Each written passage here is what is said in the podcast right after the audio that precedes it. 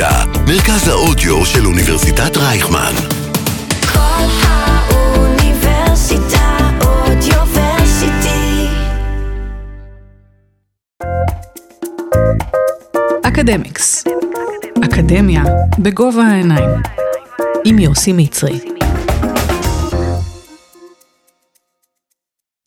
ברוכים הבאים לאקדמיקס כאן בכל האוניברסיטה. לכבוד שנת הלימודים החדשה, נשיא אוניברסיטת רייכמן, פרופסור רפי מלניק. שלום, אדוני הנשיא והפרופסור מלניק, מה שלומך? שלום, בוקר טוב לכל המאזינים לרדיו של אוניברסיטת רייכמן.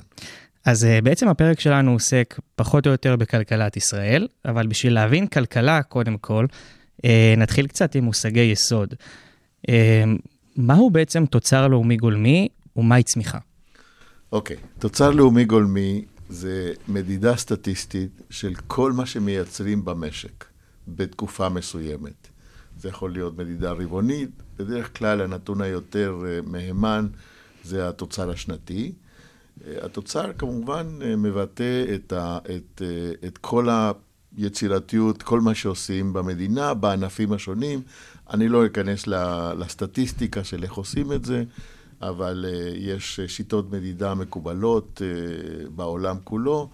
דרך אגב, קוריוז מעניין, פרופסור גיאטון, שבעצם התחיל את המדידות הסטטיסטיות של כלכלת ישראל לפני קום המדינה, השאיר ירושה יוצאת מן הכלל, וכשאנחנו מסתכלים על מדינות שיש להן מדידה מסודרת, של מה שנקרא החשבונאות הלאומית, שבמסגרתו מחשבים את התוצר, ישראל היא בין המדינות הראשונות בעולם, אוקיי?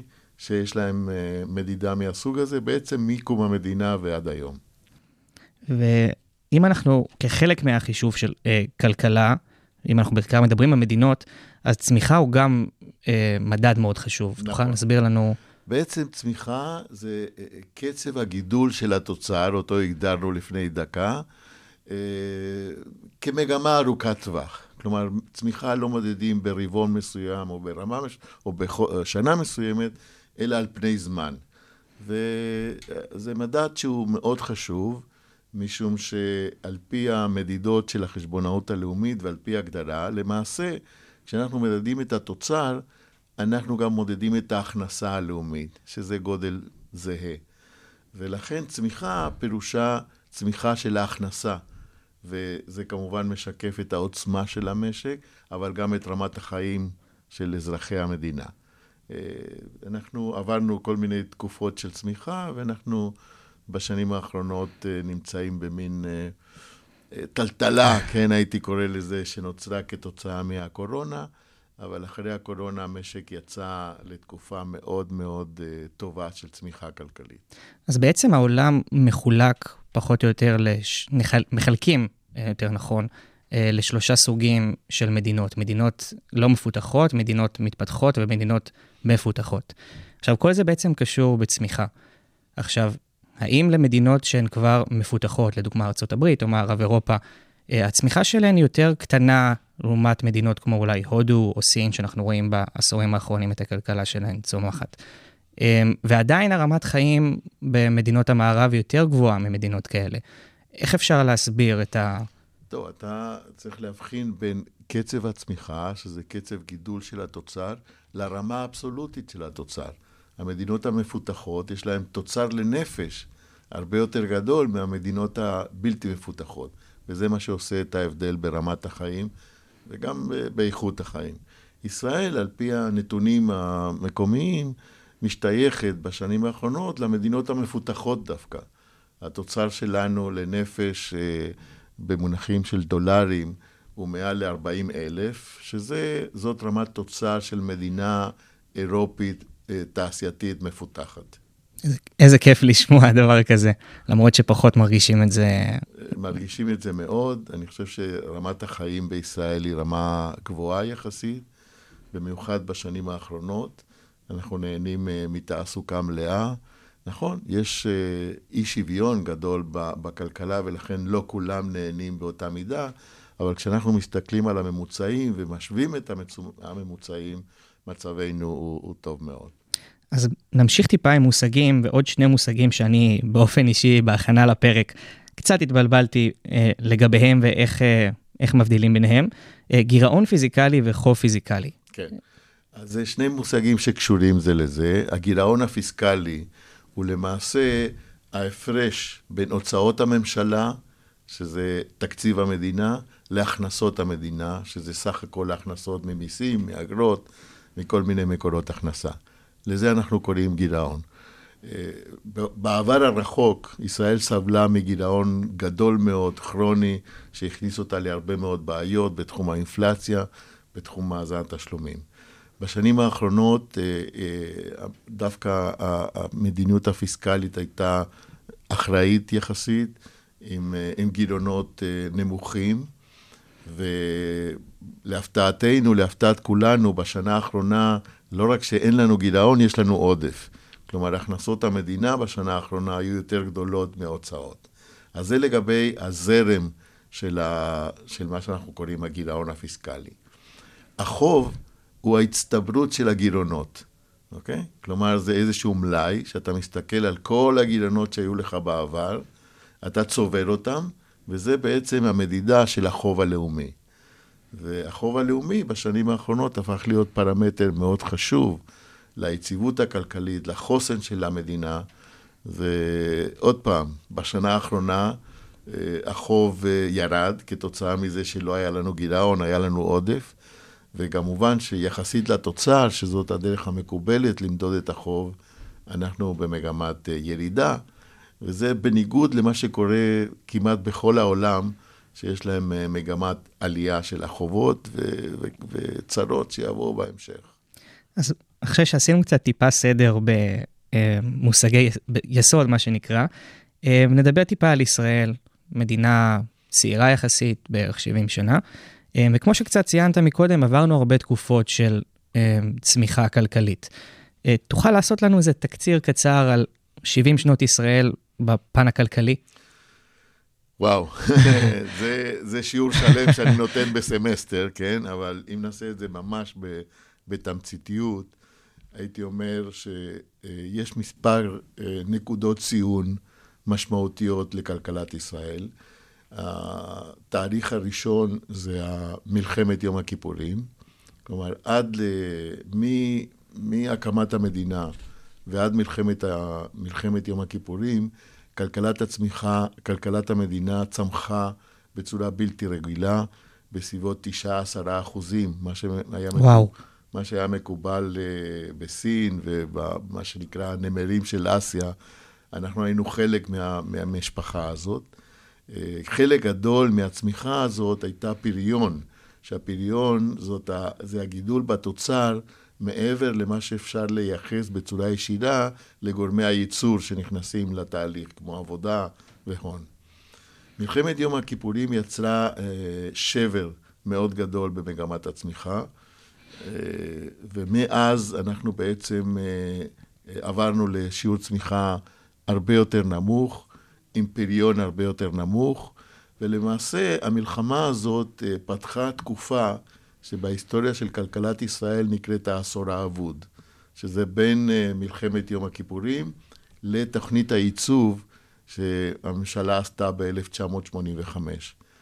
המאפיינים הגדולים של, של, אה, של העשור האבוד זה גירעון אה, ממשלתי עצום כדי למלא את, ה, את הצרכים הביטחוניים, אה, אינפלציה מאוד גדולה ו, ו, ו, ו, וגדלה, כן?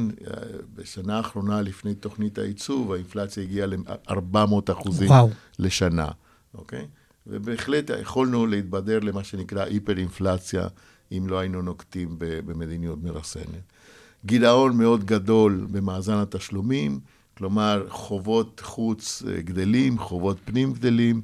למעשה, התוואי של אה, כלכלת ישראל בעשור האבוד היה תוואי שאי אפשר היה להתמיד בו בזמן, בטווח הארוך, ואם לא היינו נוקטים במדיניות המתקנת ב-85', מאוד ייתכן שכלכלת ישראל הייתה פושטת רגל, כן?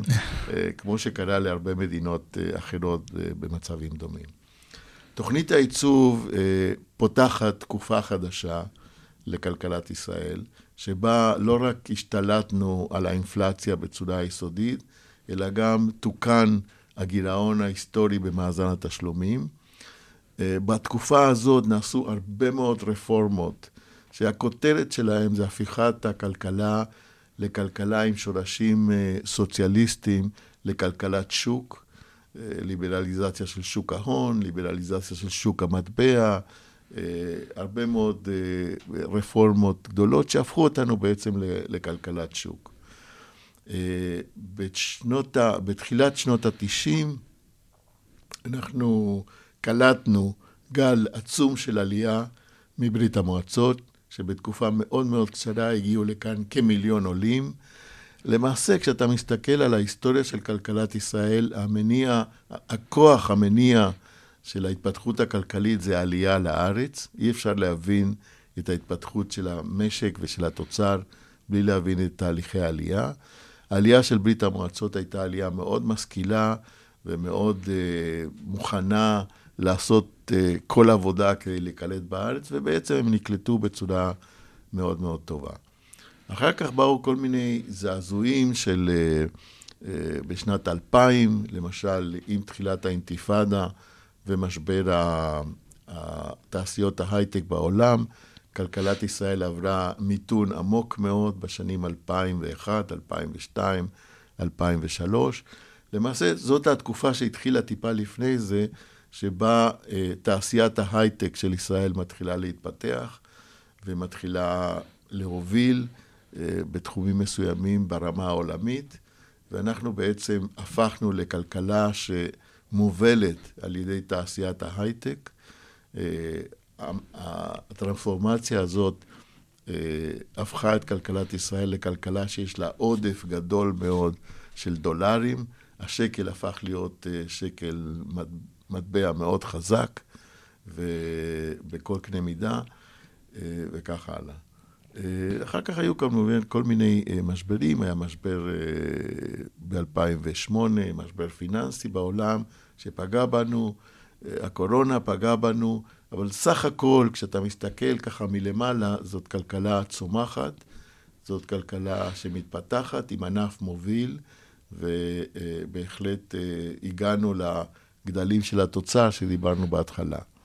יש כמובן אה, סוגיה שחייבים אה, להשכיל אותה במקביל, כי לא הכל ורוד בכלכלת ישראל. יש, בישראל יש עוני בממדים גדולים מאוד. אה, בהשוואות בינלאומיות, אה, אחוז המשפחות העניות בישראל הוא גדול. זאת תופעה שדורשת בהחלט אה, טיפול.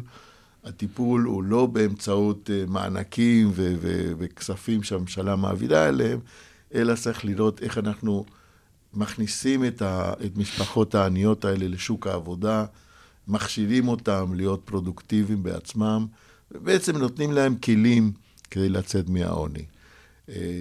במקביל לבעיית העוני, כמובן, יש אי שוויון גדול מאוד. Uh, הצמיחה הזאת גרמה לקבוצה לא גדולה במיוחד להתעשר בצורה בלתי רגילה, והשאירה מאחורנית קבוצות עניות. Uh, התופעות האלה באמת באו לידי ביטוי במחאה של 2011.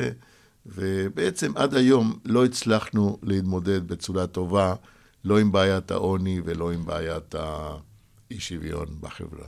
בעצם כלכלת ישראל אה, צומחת ובגדול מתפקדת מאוד טוב לאורך השנים.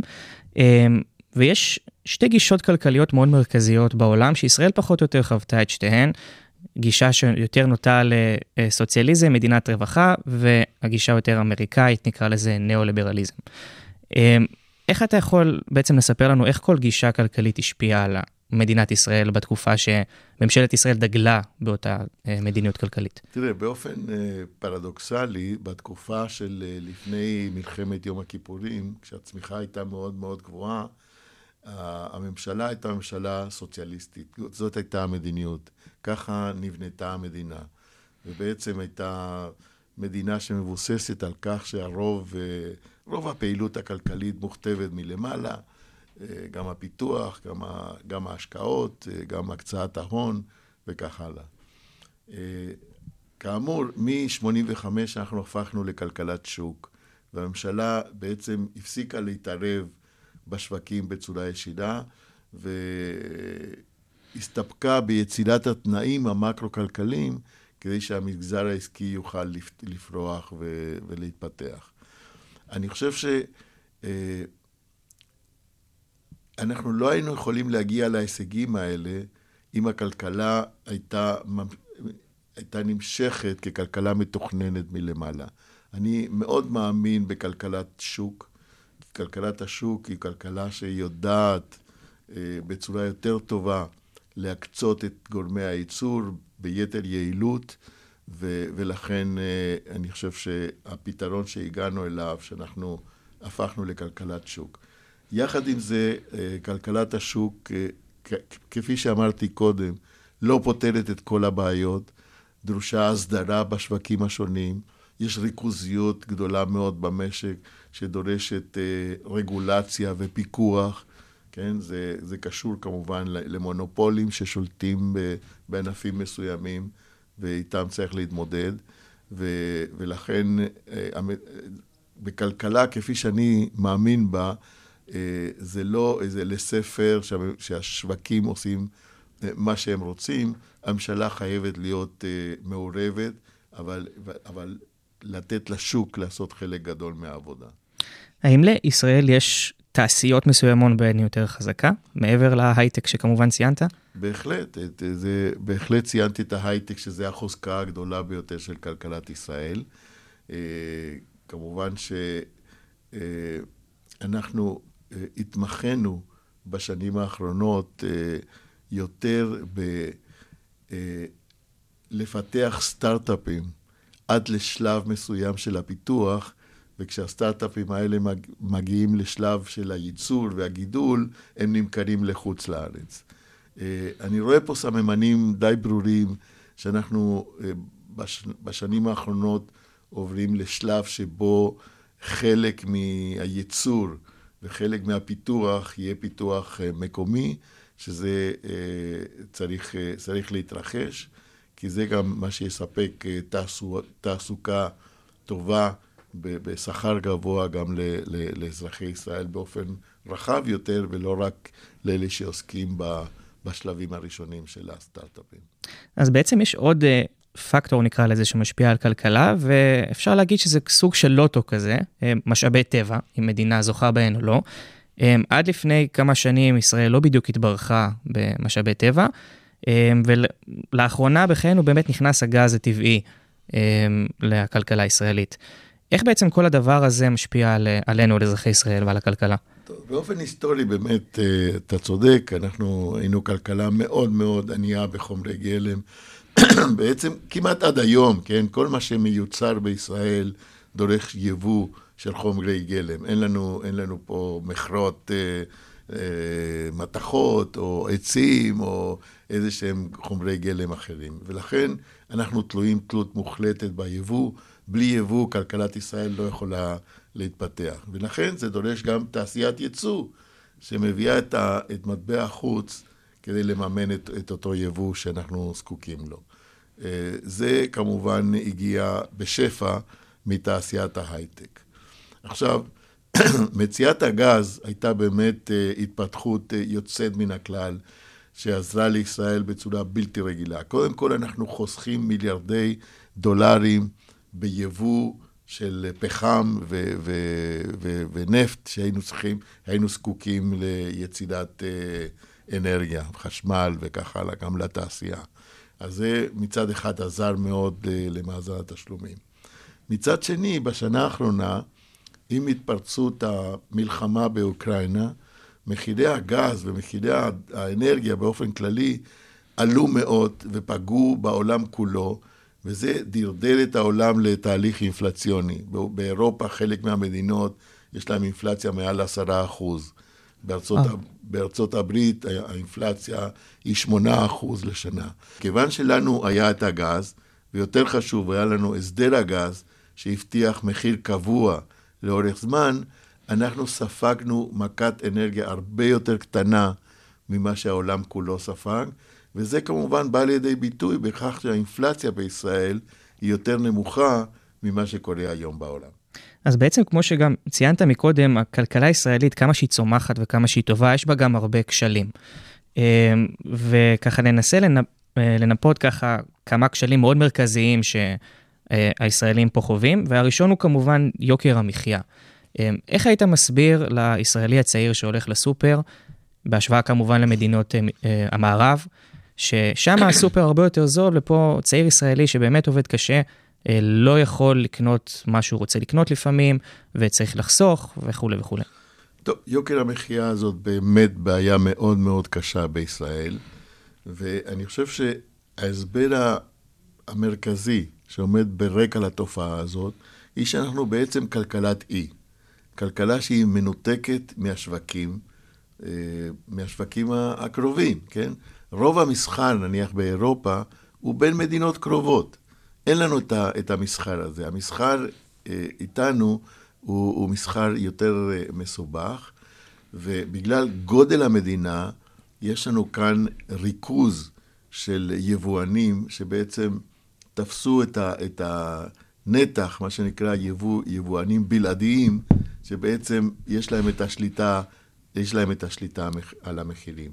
יש גם עוד מונופולים גדולים, כי בגלל גודל השוק, בגלל שאנחנו בעצם שוק קטן באופן יחסי, קל מאוד להשתלט על, על נתחים אה, אה, של שוק.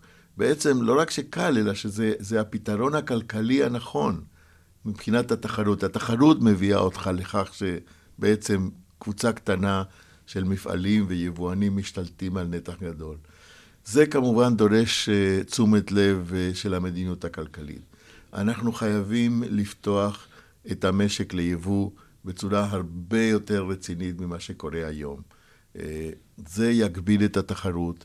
אנחנו חייבים ממונה על הגבלים עסקיים שהוא יותר מעורב, הוא יותר מפקח, יש לו יותר שיניים מול המונופולים ומול הזה. אבל הסוד בעצם ל, ליוקר המחיה זה התחרותיות.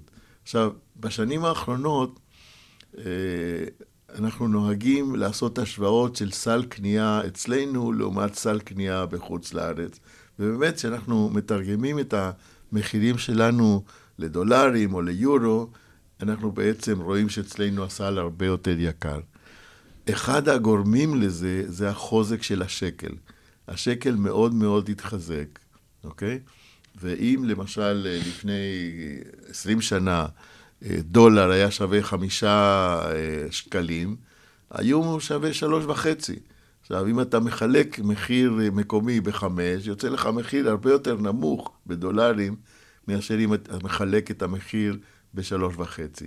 זה חלק מהעוצמה של כלכלת ישראל, אבל זה חלק גם מההסבר של למה פה כל כך יקר בהשוואה למדינות אחרות.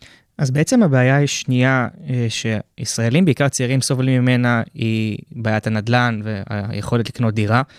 אה, איך קרה שרוב הצעירים, שבאמת, לפחות מה שאני מכיר, באמת עובדים קשה, אנשים מתפרנסים, אנשים לומדים, ולא יכולים אפילו לחלום על להגיע לדירה משלהם. אה, זה רק עניין של היצע וביקוש, או שיש פה משהו הרבה יותר עמוק מזה? קודם כל זה היצע וביקוש תמיד, אוקיי? בכל, בכל, כשאתה רוצה להסביר ולהבין שוק, אז קודם כל תסתכל על, על ה fundamentals, שזה הביקוש וההיצע.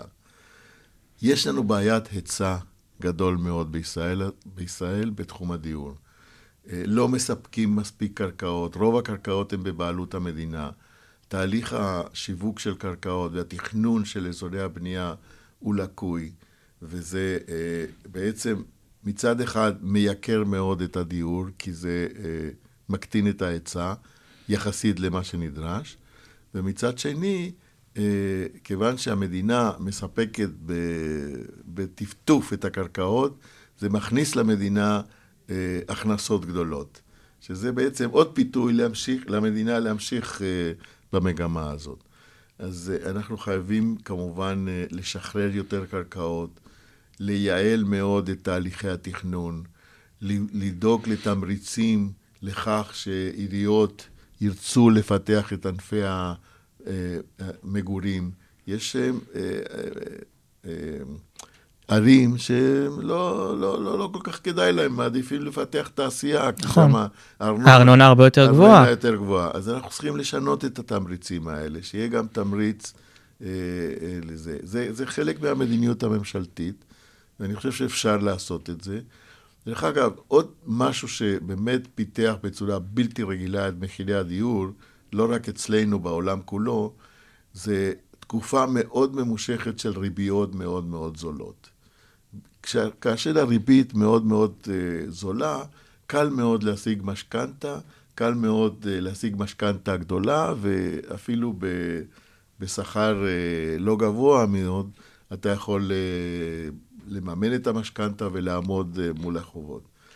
אה, זה עומד להשתנות, אוקיי? המדיניות האינפלציונית אה, או האנטי-אינפלציונית שאנחנו נוקטים בשנה האחרונה, ואני חושב שהיא צריכה להימשך והיא תימשך, משנה את, ה, את גובה הריבית, וכשגובה הריבית יגיע לרמה שהיא יותר מרסנת ממה שהוא היום, אתה תראה שיהיה תפנית וירידה דרסטית בביקושים לדיור, ואני חושב שאנחנו עומדים מול תקופה של תפנית בשוק הדיור, ומחירי הדיור אה, ירדו. אתה תוכל לבדוק אותי בעוד שנה. אני, ולראות- אני כל כך מקווה שאתה צודק, ולראות, באמת. ולראות מה, אם, אם צדקתי. אמ, הבעיה השלישית, ככה, שהיא אולי לא רק שלנו, באמת של כל העולם, אפילו אנחנו טיפה סובלים ממנה פחות, כמו שציינת מקודם, היא עלייה באינפלציה. אמ, עכשיו, סתם בשביל שאנחנו, לפני שנכנסים לזה, מהי בכלל אינפלציה? טוב, אינפלציה זה אה, עליית מחירים, אבל לא תיקון של מחיר מסוים, אלא עלייה מתמשכת, שחודש אחרי חודש המחירים עולים. זה תהליך ש, שמתמשך. האינפלציה היא מחלה מאוד מאוד קשה. כלכלת ישראל עד, אה, עד 85 סבלה מאינפלציות מאוד מאוד גבוהות. אה, האינפלציה מעוותת את הקצאת המקורות במשק, פוגעת בצמיחה, פוגעת בפריון. זאת מחלה מאוד קשה. האינפלציה גם אה, היא מאוד לא שוויונית בפגיעה. היא פוגעת בעיקר בחלשים, חלשים שלא יודעים להתגונן בפני האינפלציה, אה, שהאינפלציה שוחקת את כושר הקנייה של השכר שלהם, ולכן היא, היא, היא בעיה שאנחנו חייבים להתמודד איתה ו, ו, ול, ולפתור אותה. יש דרך להתמודד עם האינפלציה. אנחנו למדנו, אנחנו יודעים לעשות את זה.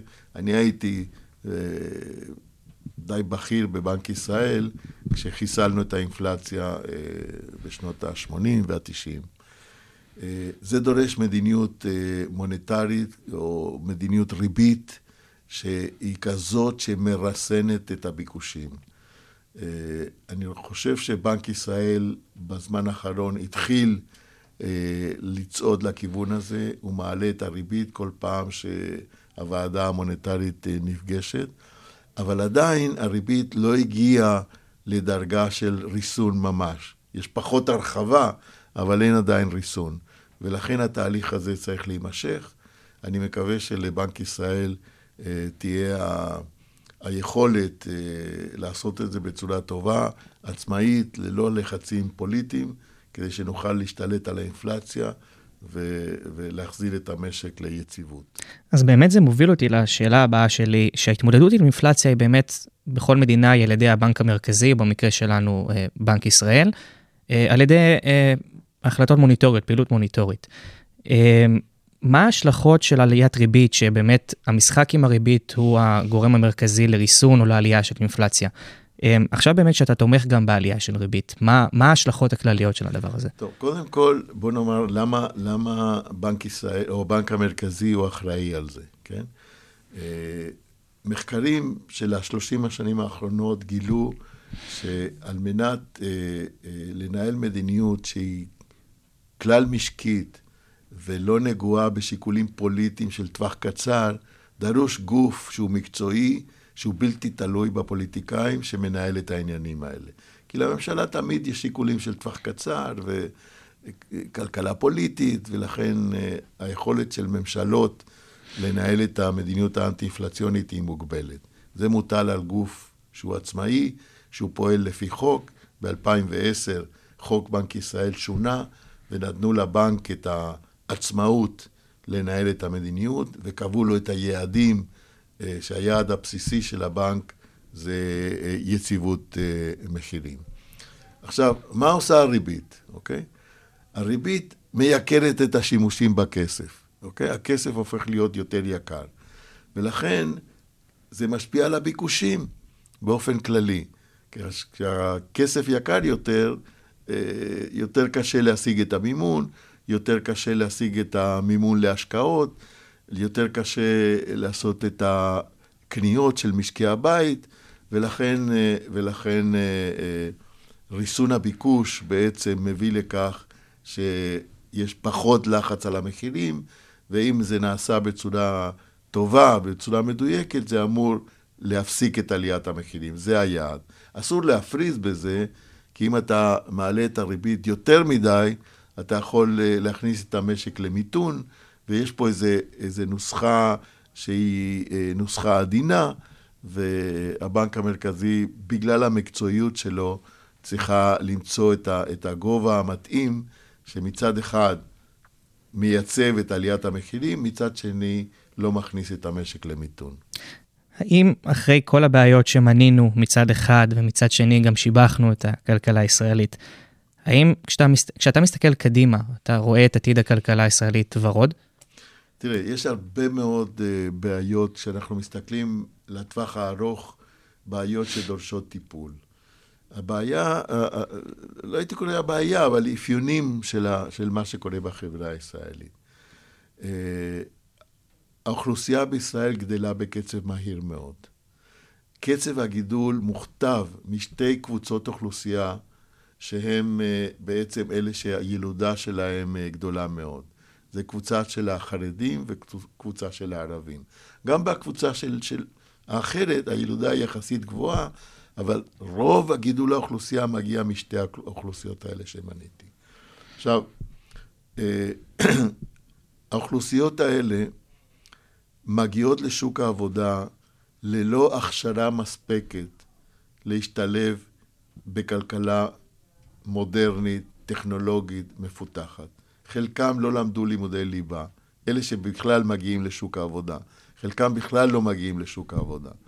ולכן אתגר גדול מאוד לכלכלת ישראל זה א', להכשיר את כוח האדם הזה שמצטרף למעגל העובדים, ולהגדיל את ההשתתפות שלהם בשוק העבודה, אבל לא סתם uh, לג'ובים שלא דורשים מיומנות, הם חייבים לקבל את ההכשרה המספקת, כדי שאנחנו נמשיך להיות מה שנקרא startup nation, ולא ניתקע עם ענפים שהם בעצם לואו-טק, ענפים שלא יכולים uh, לספק פריון, לא יכולים לספק uh, צמיחה נאותה, ולא יכולים לספק רמת חיים גדולה.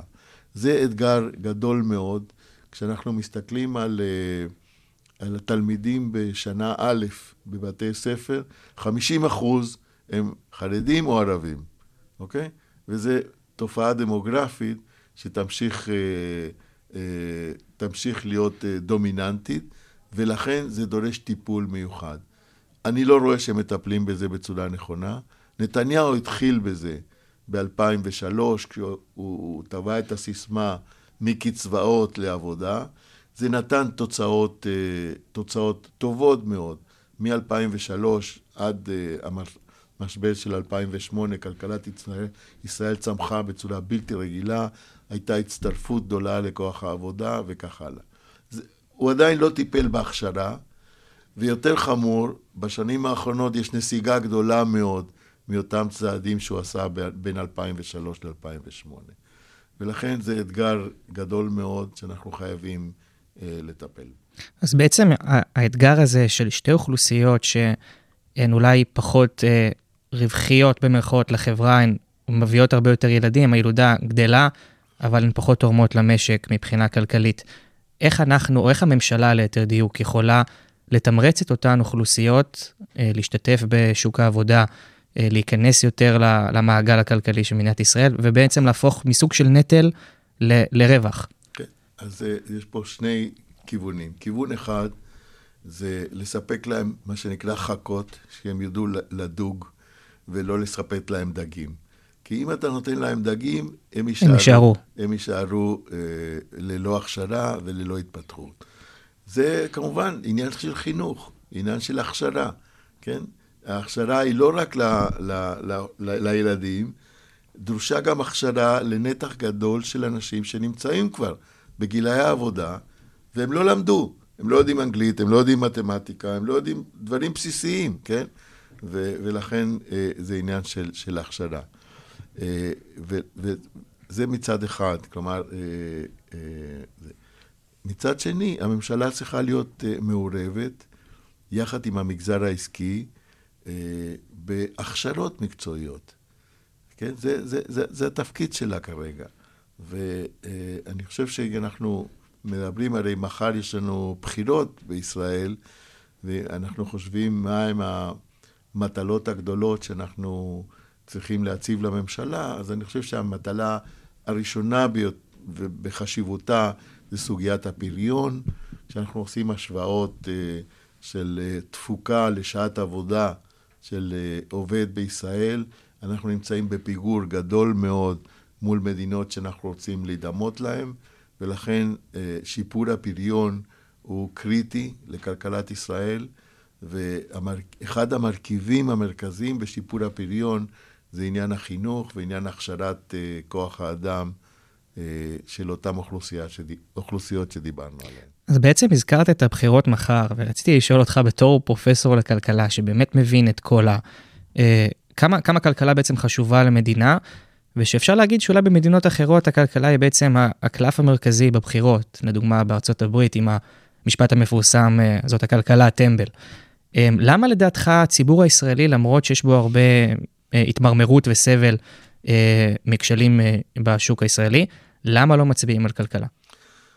טוב, אני חושב שישראלים רבים אה, יודעים או מרגישים שיש אה, בעיות אה, יותר מסובכות שנוגעות לנושא החוץ והביטחון. אנחנו חיים בשכונה שהיא מאוד אלימה. אנחנו מאוימים גם מ- מרחוק, מאיראן, וגם מקרוב, מצפון החיזבאללה, ומדרום החמאס והג'יהאד. יש אתגרים ביטחוניים, קיומיים, אה, לא פשוטים, ולכן חלק אה, משמעותי ביותר, להערכתי, אני לא מומחה כן. בכלכלה, פולי, בפוליטיקה, כן? אבל לתחושתי, חלק גדול מהשיקולים הם שיקולים של חוץ וביטחון, ו, ופחות uh, עניינים של, של כלכלה אצלנו. באמת, לצערי אני אומר את זה, אני חושב שכלכלה צריכה להיות באמת המרכז של חיינו, כי יש כל כך הרבה בעיות, כמו שמנית, שנדרשות טיפול. אבל ת, ת, תיקח בחשבון שכמו שאנשים אומרים, יש את עניין הקיום, שזה הביטחון וה, וה, והאיומים, ויש את איכות הקיום, שזה הכלכלה. אז הקיום קודם, קודם לאיכות. לאיכות. זה נכון. אה, אז נעזוב קצת את הכלכלה ונעבור לתפקידך בתור אה, נשיא אוניברסיטה. אה, רציתי לשאול אותך, איך הרגשת שבעצם המרכז הבינתחומי שינה את שמו לאוניברסיטה, לאוניברסיטת רייכמן? טוב, פה יש סיפור מאוד, מאוד יפה. קודם כל אני רוצה לומר לך ולמאזינים, שמהיום הראשון שהקמנו את המרכז הבינתחומי אז, אנחנו בנינו את עצמנו כאוניברסיטה. כלומר, לא הייתה שום מחשבה שאנחנו בונים פה איזה מכללת הוראה או משהו שהוא לא, שהוא לא אה, דומה. בהכרזת ההקמה של המרכז הבינתחומי יש שורה של יעדים, כן? שפרופסור רייכמן אה, כתב אותם. והמשפט הראשון הוא שאנחנו באים להקים אוניברסיטה בינלאומית בעיר הרצליה. כלומר, מהיום הראשון זאת הייתה השאיפה שלנו, וכך מנינו את עצמנו. כל הקריטריונים, כל טיב ההוראה, כל הדגש למחקר של הסגל, כל הקליטה של הסגל, סגל איכותי מאוד, שיודע גם ללמד, אבל הוא גם חוקר ברמה גבוהה. הסטנדרטים של קידום הסגל, הדגש על, על פרסומים מדעיים, כל זה נבנה כאוניברסיטה. וזה לקח לנו הרבה מאוד שנים עד שזכינו להכרה הזאת. ואז אה, יום אחד אה, המועצה להשכלה גבוהה מודיעה לנו שהחליטו באמת אה, להכיר בנו כאוניברסיטה, ואחר כך גם זכינו להכרה של הממשלה. הייתה בעצם החלטת ממשלה שהפכה את הבינתחומי לאוניברסיטה. אז ביום שהודיעו לנו, באמת הייתה פה שמחה גדולה מאוד. התפרצות בלשכת הנשיא, כן, אה, פתחנו בקבוקים והתחבקנו, וזה היה באמת יום, יום של חג, יום אה, מאוד מאוד שמח. אבל למחרת, אני התעוררתי בבוקר, קמתי, ושאלתי את עצמי, מה השתנה? ואני אומר לך, לא השתנה כלום, אוקיי? המשכנו לתפקד ולהתנהל בדיוק כפי. כפי שהתנהלנו לפני שזכינו להכרה, כי מה שהיה חשוב לנו זה ההכרה של עצמנו. נכון. אוקיי? ההכרה החיצונית היא נותנת לנו גאווה וסיפוק וכל מה שאתה רוצה. אבל אנחנו, כן, אה, בנינו את עצמנו כאוניברסיטה, ולכן המשכנו כרגיל, ואנחנו נמצאים בתנופה של אה, פיתוח אה, בלתי רגיל, שלא נפסק לרגע אחד. כמו שפרופסור רייכמן תמיד אומר כשהוא, כשהוא נואם לנו על היעדים שלו ועל הוויז'ון שלו לאוניברסיטה, הוא אומר, אנחנו לא הפסקנו לבנות פה רגע אחד מאז שהגענו לכאן. והיום יש לנו שלושה פרויקטים גדולים מאוד בתהליכי בנייה. אנחנו בונים בכניסה לקמפוס אודיטוריום גדול מאוד, שיוכל אה, להכיל עד ל-500 אנשים. אנחנו בונים מרכז לחדשנות, שהוא יהיה האכסניה הראשונית לבית ספר לרפואה שאנחנו עמלים להקים. אנחנו גם בונים עוד אה, קבוצה של מעונות סטודנטים בצד המערבי של הקמפוס, ואנחנו עוד נמשיך בזה, אין, אין, אין רגע דל. הפיתוח פה לא ייפסק לעולם. אז בעצם קצת הקדמת אותי בשאלה, כי רציתי באמת לשאול מה השאיפות שלך מהאוניברסיטה השנה, ואולי בעצם לשנים הקרובות. תראה, אנחנו אה, חייבים להמשיך אה, להתפתח, לקדם את המחקר, לקדם אה, מחקר שהוא מתבצע בדרך כלל אה, במכונים, אתה יודע שיש לנו מעל ל-30 מכוני מחקר, שזה מחקר יישומי שהוא בעצם מנסה להתמודד עם הבעיות הגדולות של מדינת ישראל.